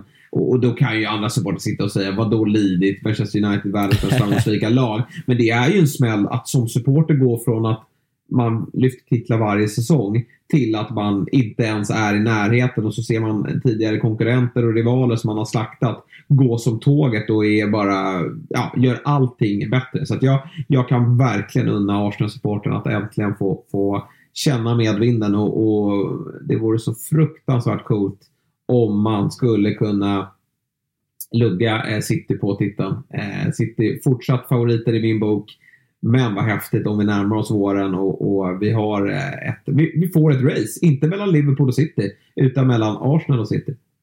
Ja, vi måste, jag har faktiskt ingen koll på när de möts, men det där det har blivit en rivalitet mellan City och Liverpool och de där matcherna kan ju bli stökiga. Eh, det ska bli kul att se det här dubbelmötet nu också. Det måste vi även nämna Pierre Hertin som har varit med oss och gästat. Han var ju på plats i, han har ju sett så jävla mycket matcher i år, så det är helt sinnessjukt. Han har ju klippkort på det där flyget, men han var ju på plats i, i Wolverhampton och såg den här matchen och det är klart man, man unnar honom den, det supporterlivet han lever nu, för fan vad, fan vad bra han måste ha det. Ja, det är bara att, att boka upp eh, helgerna här i vår. Det kan bli en ruskigt eh, eh, häftig eh, avslutning på säsongen för Arsenal. Takti taktiskt av dem också åka ut mot Brighton i ligacupen. Riktigt ja, smart. Ja, men verkligen. Alltså helt rätt. Helt rätt. Eh, där, där, eh, där tänkte Arteta till. Du, vi, vi, ska, vi ska hinna med summering här. Vi får, eh, vi får inte bli för långa, men det var ju en häftig match på, på uh, Tottenham Hotspur Stadium och uh, ja, Dejan Kulusevski. Uh, fem assist har han slagit till med under den här våren och har väl missat hälften av matcherna. Ja, nej, det är helt sjukt. Att han bara gör 0 plus 1 den här matchen är otroligt. För folk blåser ju till höger och vänster. Han missar något och han ska ju snarare ha 1 plus 3 i den här matchen. och eh, Leeds eh, 14 mål på två matcher. En 4-3 eh, med sig, en 4-3 mot sig här.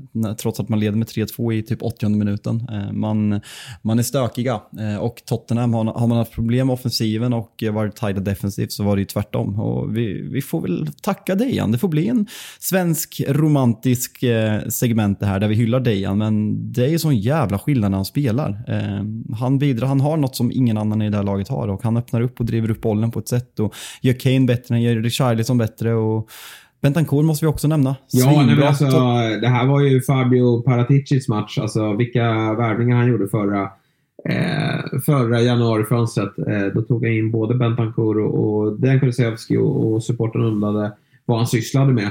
Men eh, det är ju faktiskt de eh, tidigare Juve-spelarna här som, som ser till att eh, Spurs tar tre poäng. Ja, nej, det, det är häftigt. Jag var ju skeptisk. Jag kommer ihåg när du och jag och Per Fyrkebrant satt i, i Big Six-studion när vi, när vi körde videoformat och eh, han jämförde Dejan med KDB och jag eh, hon skrattade åt honom. Nej, det... den, får man, den får man ge Per och eh, jag, jag har ju bett, bett om ursäkt eh, för min ifrågasättande men eh, han, han har verkligen fått rätt i den, i den spaningen, eh, får vi igenom. Ja, nej, det har blivit en otrolig eh, fullträff. Eh, tre viktiga poäng eh, för Spurs som eh, resultatmässigt får ju liksom, det, det är väl ett godkänt betyg. Men jag tycker typ prestationsmässigt att det är underkänt. Ja, nästan väl, jag skulle säga väl godkänt poängmässigt. Ja. Men, eh, och den här, den här vinsten är jätteviktig. Man har ju en, vad har man, tre förluster senaste fyra i ligan. Innan den här så hade man, hade man torskat mot Leeds här. Man ligger alltså under med tio minuter kvar. Hade man torskat här så hade det varit riktigt, riktigt tråkig stämning i Tottenham. Så jag tror att det här är jätteviktigt. Nu får man tillbaka, man får tillbaka Son, Dejan och Richarlison är tillbaka här. Man kommer, man förhoppningsvis ha alla tillgängliga och då är man väl ett annat lag. Sen får vi se, kommer man fortsätta satsa på Conte-spelare? Contes kontraktssituation blir väldigt intressant att följa. Jag tycker han svarar lite kryptiskt när han får frågan på, på presskonferenserna, både innan och efter. Går ju alltså ut i sommar, eh, så eh, det, blir, det blir spännande att se vad som händer med Spurs, för det känns som att man är lite i valet och kvalet vilken väg man ska gå i framtiden. Det har ju också här har det pratats om att de kommer att öppna plånboken eh, och förstärka laget i, både offensiv och, och, och defensiv väg. Så att det kommer att bli intressant att se vad Juventus gör med sin, ja men dels då ledarstab men även eh, bland spelarna. Du, nu har det blivit dags för oss att ta ut eh, årets lag. Eller årets lag, höstens Som, lag. som folk har väntat. Ja. Eh, Det här blir ju alltid eh, rubriker eh, kring och, och många åsikter. Jag vill, eh, innan jag, jag tänkte att jag börjar och, och jag vill motivera hur jag har tänkt. Eh, Oftast blir jag ju allergisk när det tas ut den här typen av elver och man bara slänger in spelare eh, för att de kanske har varit bäst men på felaktiga positioner. Eh, så jag, jag, Jag, verkligen... jag kanske har gjort mig skyldig till någon av dem Ja, här. jag anar kanske. att du har det. Det är därför jag bara, jag, Ja. jag, jag anar att du har gjort det. Så det, det är viktigt att jag nämner det så att jag får med mig rösterna här.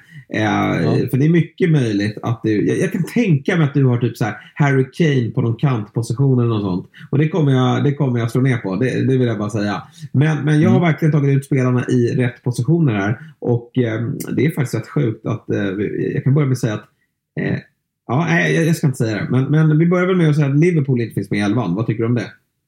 Eh, jätterimligt. Eh, jag har eh, exakt samma eh, tanke på mitt lag. Mm. Det var inte ens någon som var nära faktiskt. Nej. Sen får, eh, sen får folk säga att Salah har gjort mål. Han var inte nära. Nej. Eh, jag, jag har ställt upp det i ett, sjukt nog, ett, ett väldigt gammalt klassiskt 4-4-2. Eh, det, det är ju inte jättetrendigt eh, just nu i, i världsfotbollen. Det är väl bara Jan Andersson som gillar att spela det. Men eh, man skulle kunna säga att det är en form av 4-2-3-1 också då, eh, med tanke på att en av anfallarna kan, kan droppa lite. Men jag har faktiskt, jag, jag drar mitt lag då. Eh, jag, jag börjar faktiskt, vi har redan nämnt honom i det här programmet som, som duktig målvakt. Bernt Leno i mål. Ja, Tycker han jag, har varit- gillar den. Ja, jag, Alla jag, lag ska ha ett hipster alla lag ska ha ett hipsterval. Jag Ja. har också ett. Jag tycker liksom att Fulham ska få eh, en spelare som representerar laget. Och det skulle ju kunna såklart vara Mitrovic, men där finns det två anfallare som helt enkelt är bättre. Men, men jag tycker Leno har gjort... Eh, den där backlinjen är lite skakig ibland. Den, den, eh, den är inte helt eh, stabil alla gånger. Och, och då tycker jag faktiskt att Leno har gjort det jättebra. Sen var det inte helt lätt att hitta toppmålvakter. Det är klart, Alisson skulle kunna ta plats här, men, men han ryker lite på att Liverpool har varit för dåliga faktiskt. Eh, han, får, han får bära, eh, han, han ska absolut inte bära skulden för det, men, men Liverpool har varit Jo. för svaga för att Alisson ska hitta in i den här elvan. Nick Pope går ju och, och såklart nämna här, men det är lite tvärtom. Han har så fruktansvärt, eh, fruktansvärt bra defensiv framför sig. Eh, så att jag, jag väljer ändå Leno, en, en eh, spelare som har fått eh, måtta, eller han har fått ta emot väldigt många skott och det har han gjort med bravur. Det, det brukar ju vara en, en bra egenskap som målvakt, att man, man räddar bollarna. Till höger i backli- backlinjen, eh, Trippier. Eh, Ja, det är väl inte, det är väl inte mycket snack. Nej. Eh, Jag tycker inte det. Faktiskt. Eh, Med tanke på liksom Nej. tidigare. Reece James eh, varit lite skadad och, och eh, ja, haft sina problem. Chelsea har haft sina problem. Trippier har ju spelat varje match där ute och gjort det skitbra. Får jag nämna en som jag håller som närmast? Ja, Diego Dalot. Ja. Inte nära, men närmast. ja, ja men det kan jag skriva under på. Varit bra. Här då, nu, nu, du har redan varit på honom lite här, men jag säger Akanji. Ja, ja. Skeptisk. skeptisk. Men jag tycker Ja, han har jag varit jävligt bra. Eh, Alltså, jag är lite Ja, förvånad att han har varit bra. Eh, ja men det är just det. Man, han har varit bättre än vad man trodde, men han Ja. har inte varit topp två bäst i Premier League. Nej, Tycker jag, nog vet ju, inte. jag har också valt det här för att jag vet ju vad du vill ha in här. Så jag, jag kunde liksom, jag ville, jag ville reta dig lite också. Eh, Du kommer ju få, du, du, du kommer få alla som inte håller på United kommer ju rösta Ja, på ditt lag nu, om, om, när, när du skippar Lisandro. Ja, eh, exakt så. För Saliba är ju bredvid honom. Eh, ja. var inte så mycket och, och ja, han har varit briljant. Kanske Premier Leagues bästa mittback i år. Ja, du vill ju hävda ja, Martinez. Men Saliba, jag håller honom högre. Så blir Harry, vår redaktör, glad också. Mm. Till vänster, där var det ganska svårt tycker jag. Eh, så det fick bli Cancelo. Ja, jag håller med. Det är, typ, det är faktiskt den positionen jag har det svårast med. Ja. Eh, kommer komma till vem jag har sen, men eh, det är klart jag inte kan ifrågasätta att du har Cancelo på den, den positionen. Nej, jag eh, tycker att det har varit svårt att hitta en, en bra vänsterback där. Eh, höger mittfält då, Almiron, eh, går ju inte. Man måste ju ta ut honom. honom. Mm. Eh, han har ju varit briljant eh, poängmässigt och eh, har ju verkligen utvecklats den här säsongen.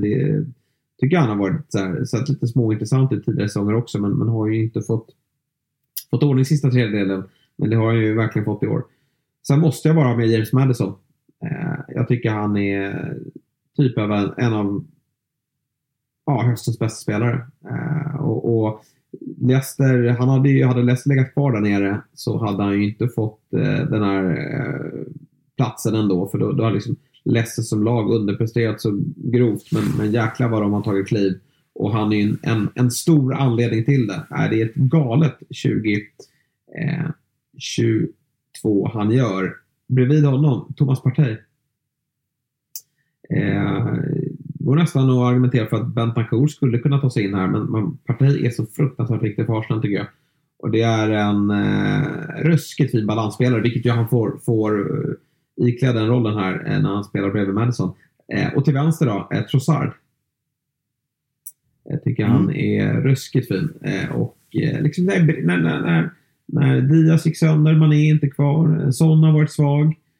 City, ja, Foden började ju bra men sen försvann han. Grealish har inte presterat. Ja, man tittar ju mycket i, i de övriga topplagen och, och, där finner jag faktiskt ingen. I, i Chelsea har ju inte att tala om någon. Eh, utan eh, ja, det, hade Kulusevski varit frisk så hade han, nu utgår inte han från vänster, utgår från höger. Men eh, jag tycker Trossard har gjort det eh, ruskigt bra. Eh, och, och ja. framförallt klivit fram, ja, med hattrick på Anfield och klivit fram i, i, i de svåra matcherna mål mot Chelsea också. Det är ju ja. lätt så här, alltså det är lätt när man gör sådana här, såna här elver. Det är som Bentancourt nämner man nu för att han har gjort tre mål de senaste två matcherna. Det är mycket på det att man hyllar honom nu. Trossard har ju sin, sin ruggiga start i början av säsongen så det är ja. lätt att man glömmer det. Men det ska ju vägas in precis lika mycket. Så ja, jag gillar den uttagningen. Yes, och sen på topp då? Eh, Haaland Kane. Behöver knappt säga något va? Ja. Nej, det är givet. Jag, jag var tvungen att få in de två. Och det sjuka här då, att De Bruyne, eh, Kevin De Bruyne är inte med. Mm. Vad säger du om det? Vad säger du om det? Ja, alltså, alltså jag kan väl köpa det på något sätt. Alltså, mm. han, han, gör ju, han leder ju assistligan, men fan, jag tycker att han ska vara ännu bättre. Ja, nej, jag, jag köper. Det, det ska ändå bli kul att se vad folk tycker. För jag kan säga att det skiljer typ fem, fem sex spelare på älvorna. Ja, vad roligt. Vad kul. Mm. Eh, nej, men så här, det var ju, alltså, återigen, jag hade kunnat skicka in, vissa slänger in Madison och KDB på, på det centrala mittfältet. Men det är ingen balans. Eh, och jag, jag, väljer faktiskt Madison. Jag tycker att han har varit mer av en MVP för, för Leicester. Och eh, ja, gör en otrolig, eh, otrolig spurt här. Eller spurt, han har varit bra eh, hela året. Men, men eh, han, han, visar verkligen att han är förtjänt av den här VM-platsen. Jag blev jäkligt glad när han var med och jag hoppas verkligen att skadan inte är något eh, att det inte är någon fara. Det verkar vara lugnt. Han skrev ju på Instagram typ så här, alltså can't wait to meet up with the boys on Monday. Eh, typ så här, det var bara någon liten känsla. Det verkar inte vara någonting i alla fall, så det, det är skönt. Om man går på hans Instagram. Ja, bra. Eh, nej, men nu kör vi då på yes. det såklart det bästa laget här. Eh, yes. Och i mål. Eh, du nämnde honom. Eh, man har släppt in Eh, Eh, minst mål, delat minst mål i, eh, i Premier League den här säsongen. Och eh, det må vara en stark backlinje framför, men jag tycker att Nick Pope ska ha den här platsen. Jag tycker hans ledaregenskaper tillsammans med högerbacken, som jag redan nu kan avslöja, såklart är Kieran Trippier är navet i det här laget tillsammans med Sven Båtmans ungdomlighet. Men det är Trippier och Pope Eh, med sina ledaregenskaper som har kommit in i det här laget och gjort det till att vara med defensivt och satt den här strukturen. Så de är självklart med i, i mitt lag. Eh, bredvid honom Eh, så har vi, eh, samma som du, eh, William Saliba. Otrolig vilken säsong han gör. Och, man såg ju inte riktigt det här komma. Det var, det var utlåningar, det var, det var video när eh, hans lagkompisar gjorde, jag vet inte vad, när han var avstängd från Frankrikes U-landslag. Och känslan var hela tiden att han, han kommer inte lyckas i Arsenal. Det är en bråkstake som kanske kommer lyckas, kanske kommer bli en ny Ravel Morrison för att dra en United-referens. Men eh, den här säsongen, eh, hur bra kan han bli? Alltså ärligt talat, alltså, jag, jag vet inte om jag har sett en mittback vara så här dominant i den här rollen på den här nivån. Har du gjort det? Eh, Saliba, nej. Nej, det är, det är fruktansvärt nej. bra. Så det är en... Eh, det är verkligen en klassspelare. Eh, lite från ingenstans. Jag visste väl, eller jag har hört att han varit bra i franska ligan, men man orkar ju knappt lyssna till det. Eh, det är så många spelare som har varit bra i franska ligan som har kommit till Premier League och sen varit ganska, ganska så odugliga. Så att jag, jag var inte övertygad om att Saliba skulle kunna ta den här platsen. I synnerhet också när White och Gabriel funkade så bra i fjol. Han, han kliver bara in och, och blir nummer ett. Eh, för mig då, från ingenstans. Är det häftig, häftig höst från, från hans sida. Frågan är hur mycket, om han får speltid i, i, för Frankrike här nu. Jag tror väl ändå inte det. Det, det finns några tuffa mittbackar att ta sig förbi där. Ja, men det, där, det, är, det är en annan podd, men helvete vilka mittbackar de har. Ja, det är galet. Helt sjukt, helt sjukt. Eh, tror det eller ej, men eh, bredvid honom, världens bästa fotbollsspelare, Lisandro mm. Martinez. Ja, jag visste att du skulle förvånad. Nej, jag är inte dugg förvånad. Och, och, och du, det är inte bara att du är en, eh, en, en United-dåre, eh, utan det är faktiskt eh, eh absolut rimligt att han är med. Ja, alltså det, det, går, typ Sven Båtman tycker jag går att argumentera för. Jag tycker att det finns några andra också, men eh, jag hade inte haft någon trovärdighet i min, eh, i min fanclub till Lisandro Martinez eh, om jag inte hade tagit ut honom i höstens lag. Så den var given. Eh, till vänsterback, och nu börjar vi snudda eh, vid att spela spelare på fel position, men jag hänvisar till Transfermarkt. Markt. Eh, och den här spelaren har enligt Transfermarkt spelat wingback i sju matcher den här säsongen. Och har man spelat wingback i sju matcher, hade jag tagit Perisic i den här positionen så hade ingen sagt något. Men när jag tar den här spelaren så kanske folk kommer ifrågasätta. Så jag hänvisar till Transfermarkt. Så alla klagomål tas med. Med dem ja. mm, Trossard. Ja. Alltså det är ju fel. Eftersom du väljer fyrback. eh, så är det ju fel. Men eh, faktiskt var att jag fingade på 3-5-2 för att få in eh, KDB. Eh, och då skulle jag ha Trossard i en wingback-position faktiskt. Eh, men, men ja, du får, i och med att jag vill slå dig så får du inte godkänt. Men, men visst, det skulle kunna vara godkänt. Det kan bli ännu värre, så ge mig godkänt på den här så, så får du slå ner på mig sen. Ja. och lyssna, lyssna balansen nu på det här mittfältet. Ja. Xhaka. Vilken säsong han har gjort. Alltså, ja, ledaren i, alltså, mm. alltså den, den, spelande ledaren i det här Arsenal. Jag, jag håller med dig, det hade lika gärna kunnat vara Thomas Partey för, för balansen. Men mm. jag gillar Xhakas ledaregenskaper. Eh, det, det, vokala ledaregenskaperna, även om om Ödegård har bilden så är Xhaka lagets ledare på plan. Eh, och utöver hans eh, fantastiska, alltså hur han löper både, i båda riktningarna så har han även fått eh, satt några väldigt viktiga mål. Så eh, Xhaka för mig var given. Och bredvid honom, nu kommer mitt hipsterval. Är du redo? Ja. Palinja. Mm. Vilken spelare. Vilken spelare. Mm. Nej men eh, absolut. Eh, sen om man ska in i säsongens lag. Du har alltså Xhaka Palinja på det centrala mittfältet, har du det? Ja, ja. Nej, alltså, ju... alltså, alltså Madison, alltså knät kommer ju vara av efter tio minuter i den här matchen. Sen har du inga avbytare. De får inte tag på honom. Men eh, ja, nej, men det, det där är ju ett bollskickligt... Ja, Palin är fin i och för sig. Nej, men båda de har ju varit riktigt bra. Ja. Och sen tätt framför. Tätt fram, alltså så här, en, en trea, en diamant. Mm. Kevin De Bruyne. Mm. Ligans näst bästa spelare. Mm. Ja, det gör, och, alltså, jag har ju, det gör ju ont i att jag inte har med honom. Men han gjort för lite mål då. Så kan jag väl säga. Ja, ja det är nog lite så. Eh, men så länge Håland, nu är inte, nu är inte Håland gjort mål i de här matcherna, men tappat poäng. Eh, när han ska göra mål så har han vänt matcher på egen hand. Eh, så man ska ju inte ifrågasätta Håland på det här viset. Men nej, fan, KDB, jag inte en, eh, han spelar inte på sin topp som Pep säger, men han är fortfarande för mig eh, ligans bästa spelare som inte är eh, håland just nu. Och nu, nu kommer, jag, vet inte om jag säger, om vi säger att de spelar en trea, då har vi en liten fri roll framför den här trean som utgår lite från höger samtidigt som Palinja hjälper Trossard att ta liksom där ute, likt Henderson gjorde back in the days när han hjälpte Trent. Eh, Almiron. Mm.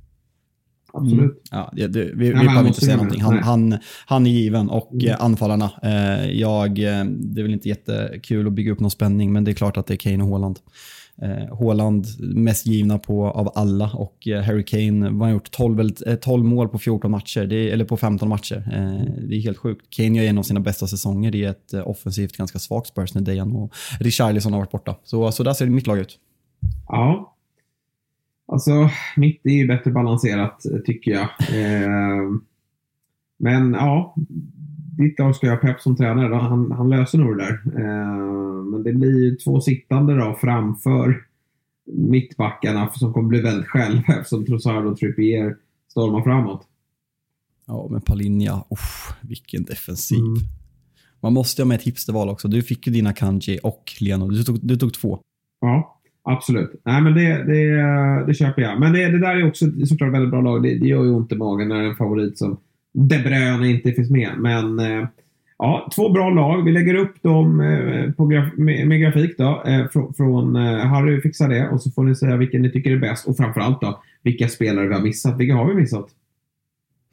Alltså, uff, fan vad svårt på rak arm. Mm. Eh, vilka, alltså så här, Sven Båtman tycker ja, jag ska nämnas. Eh, de har släppt in väldigt, alltså så här, Gabriel har gjort sina dåliga Mitrovic, saker men han ska, Tony, men det, han ska det blir ju svårt när liksom, alltså vi har, det finns ju två nior, ja, Kane kan man ju säga droppande, men det finns ju två centrala anfallare i alla fall som är bättre.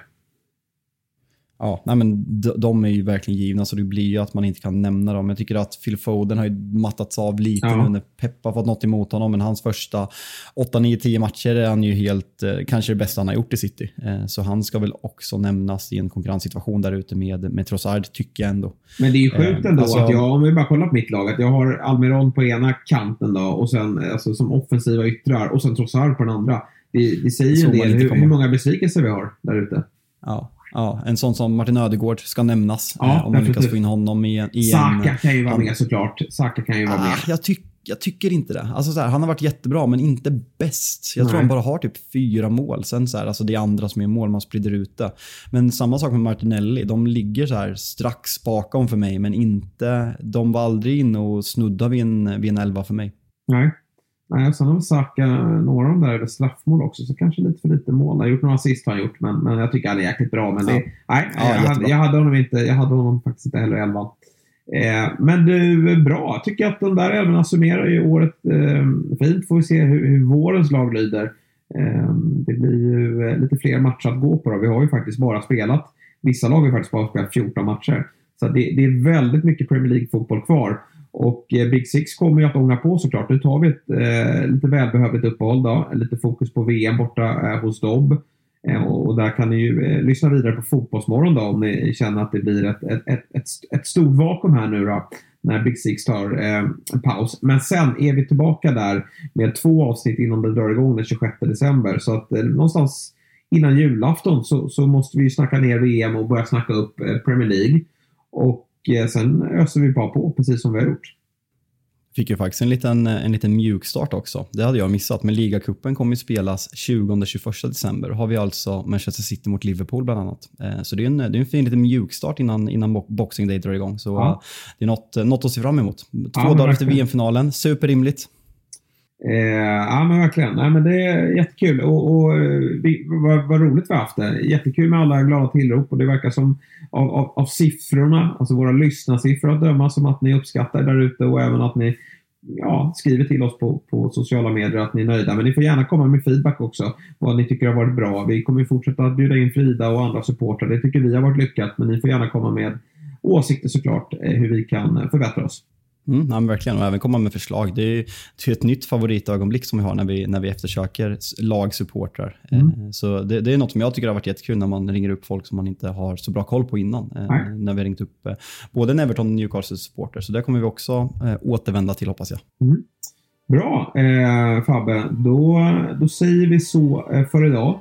Och sen så hörs vi helt enkelt eh, om lite drygt en månad så får vi se vilka som har vunnit VM-guld. It's coming home.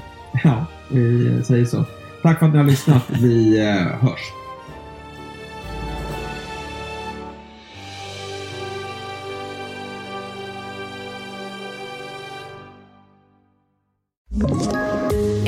Poddtips från Podplay. I podden Något Kaiko garanterar östgötarna Brutti och jag, Davva, dig en stor dos skratt.